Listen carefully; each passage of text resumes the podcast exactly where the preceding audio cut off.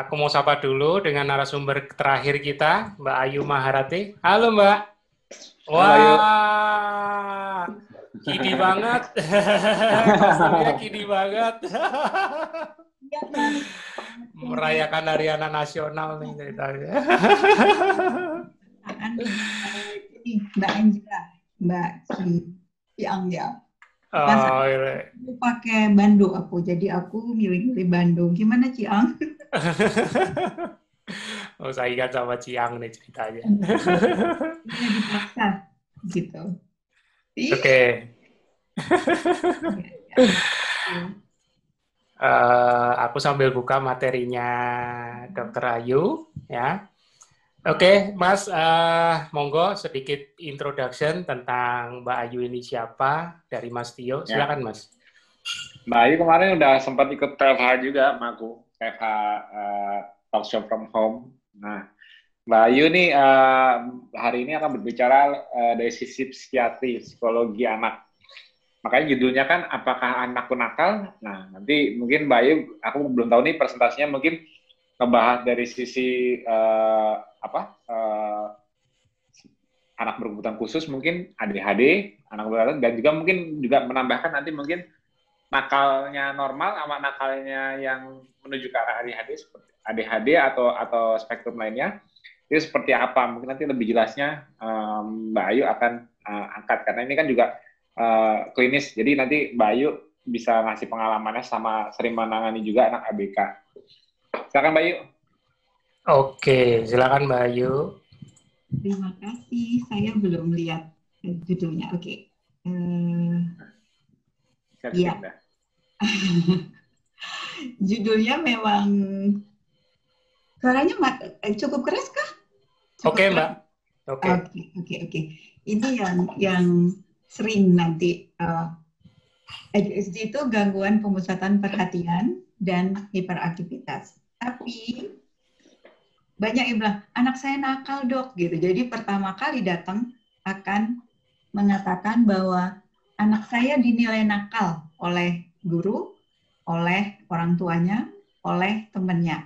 Baik, apa yang akan uh, kita pelajari di sini, ini tidak MC kuadrat sama sekali, ya. Jadi ini mudah-mudah, ilmunya mudah karena pentingnya di Hari Anak ini kita ingin bahwa semua aware, semua uh, paling tidak deteksi di lingkungan kita, di sekitar kita ada nggak anak yang sebenarnya nih butuh perhatian, butuh uh, perlindungan, butuh uh, banget bantuan kita yang salah penanganannya. Sehingga nanti jadi abuse gitu, jadi uh, apa di di di abuse apa ya? Abuse di dibully.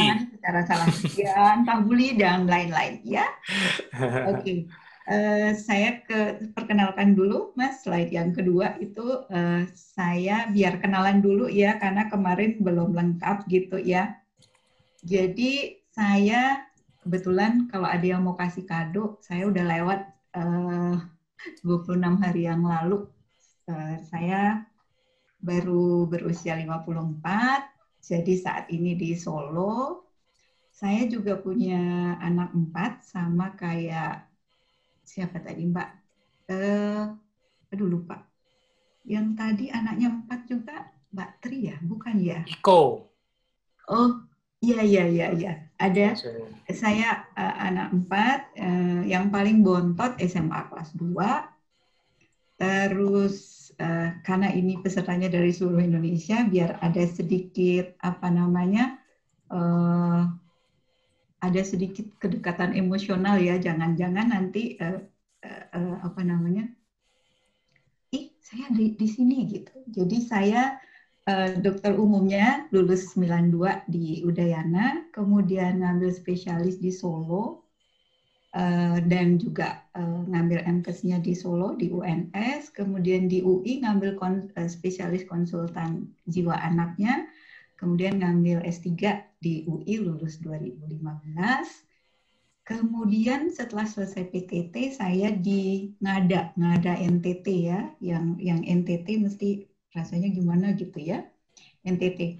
Saya di NTT di Flores dan juga di Alor dari tahun 92 sampai 95. Kemudian eh, habis PTT sempat kerja di Bali sebentar, kemudian 96 ke Batam, kemudian di Jogja tahun 97 sampai 2003. Nah, dari 2003 sampai sekarang di Solo dan bekerja di Rumah Sakit Dr. Muardi. Oke. Kenapa tema ini saya ambil ya sesuai tema uh, slide berikutnya Mas Bobi. Jadi uh, kita dikasih beban bahwa di hari anak itu anak terlindungi Indonesia maju. Harus bagaimana sih? Dari tadi uh, Mbak Tri, kemudian Mbak Sari itu sudah memberikan sekali uh, keilmuan apa namanya bimbingannya untuk mempersiapkan sumber daya manusia yang berkualitas sejak bayi bahkan. Semangat Mbak Sari terutama baby ketonya ya karena ini nanti akan memberikan uh, dasar pendidikan yang baik berkualitas bagi generasi muda yang dalam melaksanakan tugas fungsinya dia sebagai anak. Tugas fungsinya apa sih? Menjalani tumbuh kembang yang baik gitu. Jadi semua gangguan itu uh, istilahnya ada tugas, ada fungsi, ada kebutuhan gitu di sana menjadi satu bagi seorang anak untuk menghasilkan uh, tumbuh kembang yang sukses di kemudian hari. Bila salah satu nanti muncul masalah, tidak hanya uh, secara biologi tapi juga psikologi dan uh, juga uh, mempengaruhi banget fungsi kognitif, fungsi emosionalnya yang kita sebut mood afektif seperti itu. Oke, gangguan apa sih yang akan uh, kita di slide berikutnya ada gangguan-gangguan yang kira-kira akan uh, menghambat nih tugasnya anak, fungsinya anak, ya kebutuhan anak. Kita udah tahu nih kelainan uh, panca indera tuh mempengaruhi banget.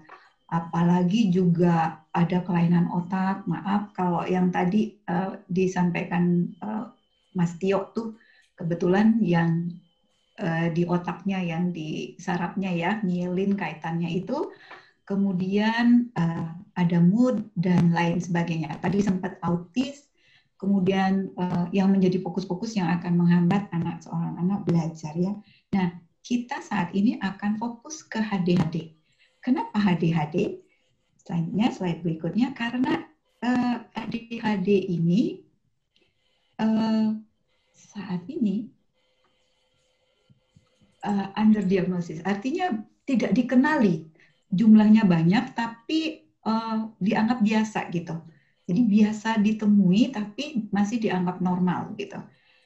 Uh, penelitiannya uh, Dr. Dr. Dwijo itu di DKI meneliti sekitar 26 26 lebih persen sampai 30 lebih, hampir sekitar 40. Jadi dari 100 orang anak sekolah SD, sekitar 30 sampai 40 persennya itu akan mengalami gangguan ini. Tentu dengan uh, spektrum. Jadi ada yang ringan, ada yang berat gitu. Jadi uh, tidak tidak tidak dua kutub saja, tapi ada spektrum. Spektrumnya ringan sampai berat gitu. Dan sayangnya memang laki-laki dibanding perempuan lebih banyak laki-laki, bahkan uh, 3 sampai 4 banding 1 gitu. Eh, dan ini sering di, di apa istilahnya? Diabaikan ah anak laki-laki emang begitu gitu. Dan itu membuat uh, under diagnose tadi yang yang kita sampaikan tadi. Nah apa sih ADHD itu? Attention deficit hyperactivity disorder itu atau gangguan pemusatan perhatian dan hiperaktivitas adalah ketidakmampuan yang menetap dalam memusatkan perhatian tipenya tiga ya, ada tiga tipe tadi, ada yang predominan inatensi atau kesulitan memusatkan perhatian, kedua hiperaktivitas, dan ketiga tipe campuran ya. Dan gejala-gejala sebenarnya nampak sejak awal, sejak awal eh, biasanya seringnya ini kok lebih aktif ya sekitar tiga tahunan gitu sudah mulai nampak gitu. Tapi kita belum tegakkan, nah, nanti ada alasannya. Oke, yang selanjutnya. Eh, kita nanti masuk ini uh, agak sederhana ya uh, keilmuannya, tapi paling tidak keilmuan ini rencananya, rencananya supaya lebih banyak lagi uh, yang di sini aware, lebih banyak lagi menginformasikan kembali. Uh, KF itu kan luar biasanya dalam membagikan keilmuan kepada orang yang membutuhkan ya. Jadi apa sih penyebabnya kira-kira gitu masih belum dipastikan gitu. Nah, kenapa dimasukin ke KF gitu? Ternyata faktor yang berpengaruh itu banyak ya, bisa waktu hamil, eh, prematur, tadi yang kehamilan sebelum waktunya, proses kelahiran, genetik. Yang genetik ini berperanan cukup tinggi ya. Kemudian uh, perkembangannya sendiri, ya, perkembangan otaknya, kemudian kerusakan otak, tapi kerusakan otaknya jadi minimal, ada zat kimia di otak yang neurotransmitter yang terganggu, persyaratan faktor sosial, dan nah ini dia, tunggu masa, pewarna, pengawet, masih tanda tanya. Nah, yang di sini kita perlu pertanyakan, itu ternyata sejak dulu sudah diperkirakan perkirakan bahwa itu faktor gula, karbo, glukosa sangat berperan dalam terjadinya gangguan Selanjutnya adalah uh, faktor psikososial. Slide selanjutnya, apakah faktor psikososialnya stres waktu hamil? Jangan-jangan stres ya. Kemudian anak-anak yang uh, di kurang mendapat sentuhan perawatan yang uh, kurang kurang apa namanya kurang beruntung dia uh, dilahirkan tidak diharapkan kemudian ditaruh di penitipan kemudian orang tua bercerai Kemudian sering didapatkan juga pada ibu yang mempunyai riwayat gangguan psikiatri, ayah dengan penyalahgunaan alkohol, kekacauan dalam keluarga, ini yang uh, sering cekcok, kemudian komunikasi yang buruk dalam keluarga. Saya agak cepat sedikit. Uh, bagaimana kita mendiagnosis? Uh, butuh sekali selain dokter ya, selain dokter yang uh, menilai, kita butuh data uh, dari orang tua. Jadi orang tua menilai, kemudian guru, kan ini biasanya kita tegak di usia 7 tahun, sehingga dia sekolah formal. Jadi kalau sekolahnya TK gitu di atau playgroup atau masih tiga tahun dibawa ke kita, kita sering uh, melihat bahwa laporannya dari siapa? Dari orang tua aja. Itu masih perlu dipertanyakan. Dan kita sebagai dokter akan menilai anak itu sendiri ini uh, mengalami uh, eh, ADHD enggak, gangguan ini masuk kriteria enggak, seperti itu. Yang kita perhatikan yang sering mudahnya nanti yang kurang perhatian tampil dalam bentuk gejala slide.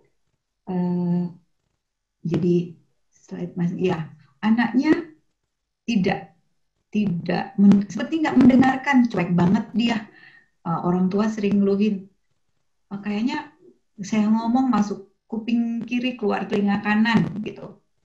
Nah, uh, jadi uh, orang tua sih lu, dia inget ya sesuatu yang yang nggak penting gitu, tapi pelajaran nggak inget sama sekali gitu. Terus di kelas nih, ya guru nih, dia sulit mengikuti instruksi, misalnya sering tuh kerjaannya nggak selesai tuh gitu. Dia uh, orang tua sering protes eh, guru sering protes ke orang tua. Kemudian di kelas teman-temannya teman-temannya buat tugas tapi dia kayak melamun di awang-awang gitu. Itu tanda namanya inatensi. Bagaimana dengan hiperaktif ya slide mas. Uh, sering bergerak terus. Jadi hiperaktif itu bergerak terus nggak mau diam. Kayak kalau jalan di mall dia nggak mau dituntun. Sering hilang gitu. Malah pernah hilang tuh di mall gitu. Terus kayak kayak mesin ya kayak mesin. Kalau baterainya belum soak dia nggak akan berhenti gitu. Selalu on gitu. Nah di kelas dia uh, suka mengganggu teman. Kelihatannya mengganggu teman. Ini yang akan uh, uh, memicu bahwa guru menyatakan bahwa anak ini nakal. Karena temennya menyelesaikan tugas dia malah main kadang praktek-praktek pensilnya dan lain-lain. Kemudian eh, dia ngobrol sama temennya dia kayak cerewet gitu. Gurunya ngomong dia uh, ngobrol dengan temannya. Kemudian gejala lainnya untuk yang selanjutnya slide ya. Kemudian nggak sabaran gitu.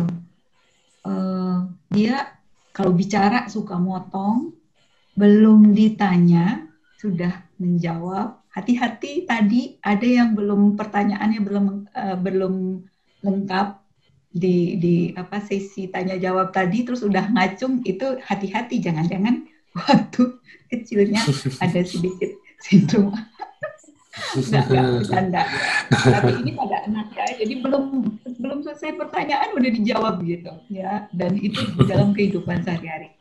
Kemudian perilakunya dadakan. Jadi harus uh, guru nih mengeluhkan kayak ini saya harus uh, apa namanya harus terus ngawasi gitu. Kalau enggak nanti bisa bahaya gitu. Kemudian disorganized, or disorganized ini ya, selanjutnya, selanjutnya. Nah, orangnya nggak rapi sama sekali. Kamarnya kayak kapal pecah, ya kayak kapal pecah. Meja belajarnya apalagi nggak jelas gitu. Nah, kalau kita tanya, mah seminggu seminggu beli pensil berapa? Wah, dua hari beli selusin, ya. Udah beli sampai bosen hilang semua, gitu. Ya, kalau misalnya uh, apa namanya, kalau tidak hilang ya seling uh, lupa mah ketinggalan, gitu, seling seperti itu. Kemudian yang yang agak kemudian uh, secara psikiatrinya atau psikologisnya uh, agak mengganggu ya. Ini dia uh, ya relasi sosialnya dia dalam berhubungan teman itu seperti beli teman gitu karena teman-temannya sering menghindar, sering menjauh dari dia karena dianggap nakal tadi gitu. Sering beli teman, beli teman dalam artian dia suka beliin macam-macam temennya supaya mau temenan sama dia gitu. Dan sering kali dia terlibat masalah berantem gitu karena awalnya dia itu uh, bercanda biasa, uh, ejek-ejek apa istilahnya.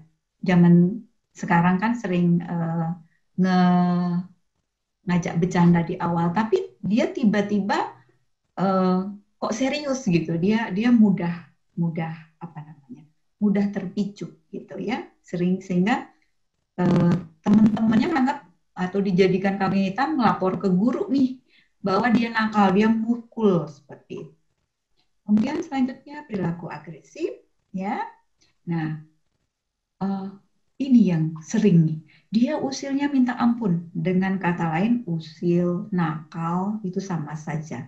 Kemudian nanti orang tua uh, orang tua sering dia nantang saya loh kayak nantang gitu. Dan teman-teman sering mengeluh sering dipukul sering uh, guru-guru bilang bikin onar. Kemudian kalau main pukul dia jadi beneran nih padahal kita mau main-main gitu temannya sering seperti itu ya. Kemudian konsep diri yang buruk ya selanjutnya. Nah selain kelihatan nakal tapi sebenarnya dia itu minderan gitu. Dia uh, rendah diri merasa tidak mampu. Sudah kita bilang kamu sebenarnya bisa. Enggak guru bilang aku dibilang anak nakal aku dibilang anak bodoh. Terus orang tua sering saya heran ya dok kok dia nggak main sama teman-temannya tapi dia mainnya sama anak yang lebih kecil gitu. Dan bila ada tugas dia sering menyerah karena merasa ketidakmampuannya sering seperti itu. Dan karena yang uh, apa namanya konsep diri yang buruk ini juga dia sering uh, supaya menjadi mendapat perhatian dia akan cari-cari perhatian sehingga semakin membuat orang tuanya uh, semakin emosi. Kemudian uh, meskipun teman-temannya uh, apa namanya mencari dia dia sering menghindar karena dia merasa uh, tidak temenan, sering bahasanya seperti itu, nggak temenan sama dia gitu, soalnya dia uh, bilang aku nakal kayak gitu. Nah, koordinasi yang buruk, kalau guru mengeluhkan tulisannya jelek banget gitu, bukan cakar ayam, gede-gede, gede-gede gitu. Apalagi nanti pelajaran uh, bahasa Indonesia yang menulis halus zaman dulu itu mesti dia nilainya jelek gitu. Kemudian kalau jalan sering jatuh, pegang gelas sering tiba-tiba aja istilahnya apa ya? kalau kalau dulu itu jalannya kayak rikuh gitu kelihatan ininya sering jatuh, sering numpahin, uh, yang paling dikit-dikit nggak rapi terus pecah gelasnya seperti itu, ya. Kemudian yang membuat uh, selanjutnya, slide selanjutnya, yang membuat nanti uh, prognosisnya buruk, aslinya nih otak nih bagus nih gitu, aslinya bagus, tapi kemudian karena problem daya ingat, kerusakannya tadi di otak, jadi dia lupa. Nah, orang tua sering ngeluhin, udah belajar dok, udah inget nih malam-malam gitu, udah hafal di luar kepala. Tapi besoknya nggak dikerjain, jawabannya lupa, nggak diisi gitu. Jadi nah, itu emosi orang tua kayak gitu. Kemudian kalau diberi pesan, dikasih tugas, ya itu nggak ada yang benar, pasti ada lupanya. Yang diingat biasanya adalah yang terakhir. Jadi uh, itu yang membuat orang tua semakin kesel dan bikin emosi. Nah, abuse kah? Ya, abuse. Jadi dibilang anak nakal, anak tak menghiraukan uh, omongan orang tua. Kemudian sering kali nih, lagi ingetannya fokus, ngulang lagi, beli ke sini, beli ke sini gitu. Apalagi dia punya sesuatu keinginan, dia akan ngulang ngomongnya. Tapi ntar dia lagi akan nanya, tanggal berapa ya? Karena dia faktor lupa tadi, ber, uh, sering uh, apa gabung dengan yang lupa tadi dengan pikiran berulang. Jadi kalau sudah ada ide, sebenarnya dia idenya banyak, tapi dia sering lupa seperti itu ya, hampir tiap hari bikin sebel gitu. Nah, karena gejala-gejala yang tadi sering kali terus berkembangnya kemudian menjadi uh, kesannya dia menjadi bodoh kelihatannya bodoh, padahal enggak. Nah, apalagi yang uh, uh, yang akan memperberat, sering bersama dengan gangguan lain. Akibat gangguan ini, dia akan sering ber, gangguan berbahasa, gangguan dalam masalah belajar. Kemudian yang tadi, ada terdiagnosis sendiri bila orang tua pola asuhnya uh, apa namanya keras, menentang awal, dia balik. Dia secara insting dia akan balik, dia akan menentang. Paling sering yang ditentang adalah yang punya otoritas terhadap dia. Biasanya guru dan orang tua. Kelihatan nakal nggak? Nakal, kelihatan. Mesti gurunya. Nakal banget dia menantang saya, menantang. Kemudian yang tinggi juga dia berpotensi bersama-sama dengan uh, penyalahgunaan zat dan yang baru adalah penyalahgunaan gadget. Ya, penyalahgunaan gadget yang nanti membuat gangguan ini semakin berat. Conduct disorder ini gangguan perilaku karena tadi dia dianggap nakal, dia akhirnya menjadi beneran nakal. Ya udah, gue kan nakal, ya udah nakal aja gitu. Kemudian ada kecemasan, ada gangguan mood kayak depresi seperti itu paling sering, ada gangguan tik dan juga masalah tidur. Nah, slide apa dampaknya anak ini ya? Dampaknya adalah uh, slide selanjutnya.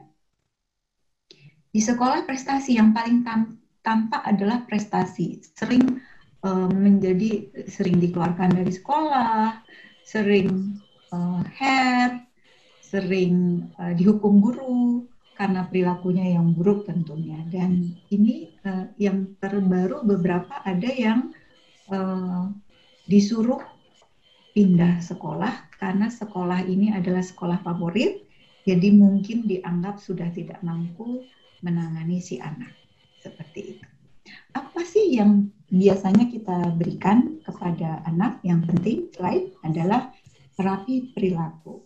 Oke, yang paling sering yang kan eh, mas karena dari ringan dan sampai berat. Kalau di awal biasanya terapi perilaku, ya Bagaimana?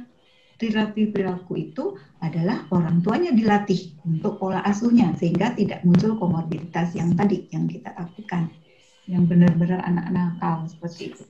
Kemudian kalau di sekolah, nah sebenarnya kalau uh, yang ini sebenarnya yang masuk berkebutuhan khusus dengan kaitan kelas. Jadi jumlah kelas dia tidak tidak boleh muridnya banyak, tidak boleh disuruh di dekat jendela karena nanti dia melayang ininya.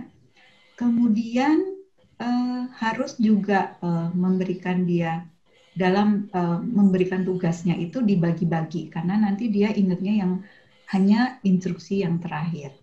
Kemudian anak khusus ada uh, intervensi pada anak yang khusus adalah uh, memodifikasi, memodifikasi perilaku dalam kaitannya kalau dia uh, berikan hadiah kalau dia bisa konsentrasi menyelesaikan apa hadiahnya berupa apa nggak harus berupa barang atau apa. Kadang seorang anak, jadi eh, anak ADHD itu kebanyakan itu empatinya bagus, orangnya sensitif.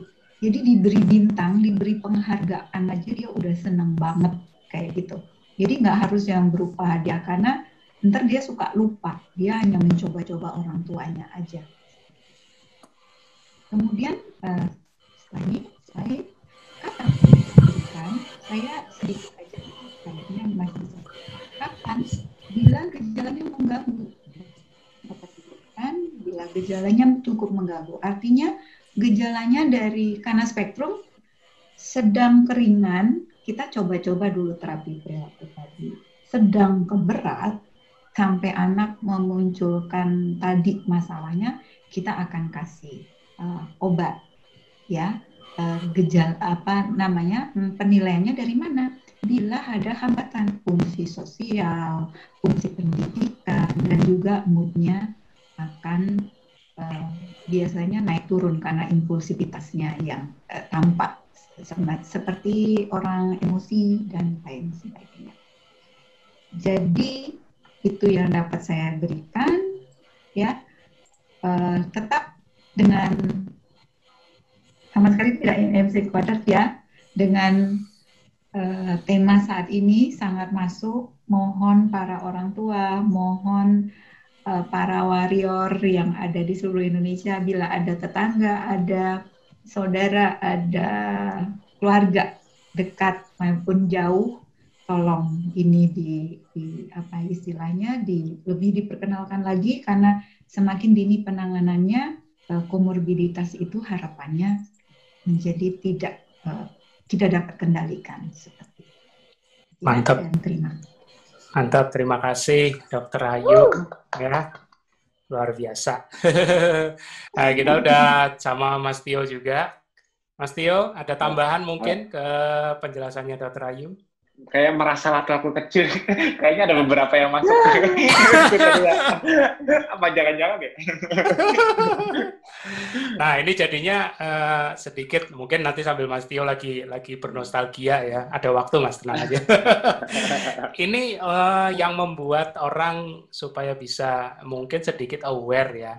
Kalau lihat dari gejalanya tadi kan boleh dibilang saya sendiri juga mungkin ada beberapa yang kayak begitu ya dok ya tapi apakah itu itu menjadi sesuatu yang harus jadi concern atau ada batasnya sampai seberapa baru kita harus mulai mengambil tindakan? Mungkin begitu ya. Gimana dok? Ya, Bang terima kasih. Pertanyaannya bagus sekali karena kemarin kayaknya di RD ada ada yang menanyakan uh, itu aku bilang itu menjadi apa istilahnya menjadi ideku kenapa aku uh, memberikan materi ini ada anak usia lima tahun sepertinya ditanyakan didiagnosis ADHD gitu, gitu. Bagaimana penanganannya? Jadi uh, penilaian anak itu harus dari minimal di dua tempat minimal di dua tempat.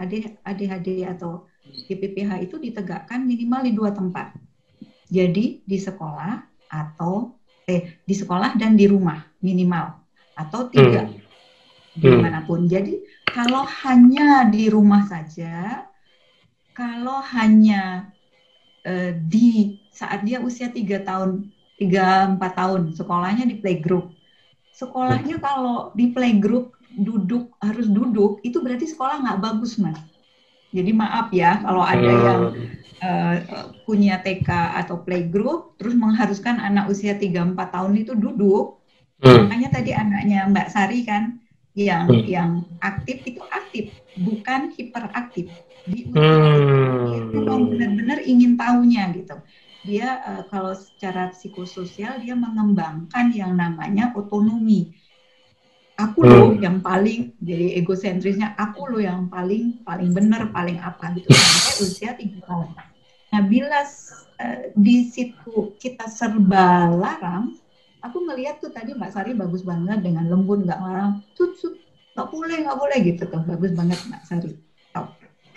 uh, serba ngelarang tidak mengajak. Makanya aku senang dari tadi banyak yang ngajak anaknya terlibat. Jadi sampai sampai lima tahun uh, di bawah tujuh tahun itu dilibatkan aja. Kalau dianggap itu uh, hiperaktif dibiarin dulu gitu. Atau kan sekarang anak-anak enam tahun ya tapi aku hmm. senangnya uh, programnya sekarang programnya menteri yang baru tuh sebaiknya tujuh tahun gitu karena secara perkembangan perkembangan kognitif otak uh, hmm. juga secara psikososial itu memang pas di tujuh tahun gitu uh, maturitasnya jadi orang normal sekitar 60 60 70 persen itu hmm. di tujuh tahun gitu kalau misalnya ada anak saya lima tahun itu hanya dua setengah persen tuh yang berhasil gitu hmm. yang yang mau apa namanya secara maturitas mau di uh, di di di di karbit.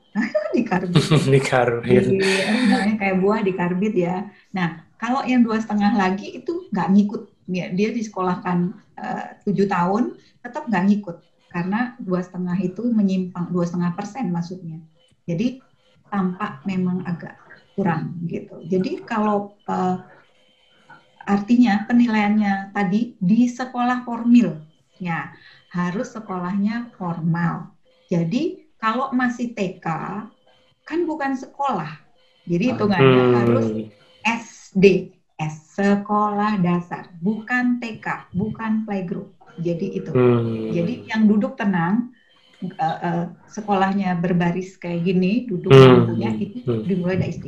Begitu TK menerapkan itu tidak dalam koridor uh, belajar yang melihat sesuatu itu berarti itu sekolah nggak bagus. Meskipun itu favorit menurut mereka karena banyak orang kaya nggak kalau aku sarankan pindah aja itu sekolah nggak bagus sering aku bilang.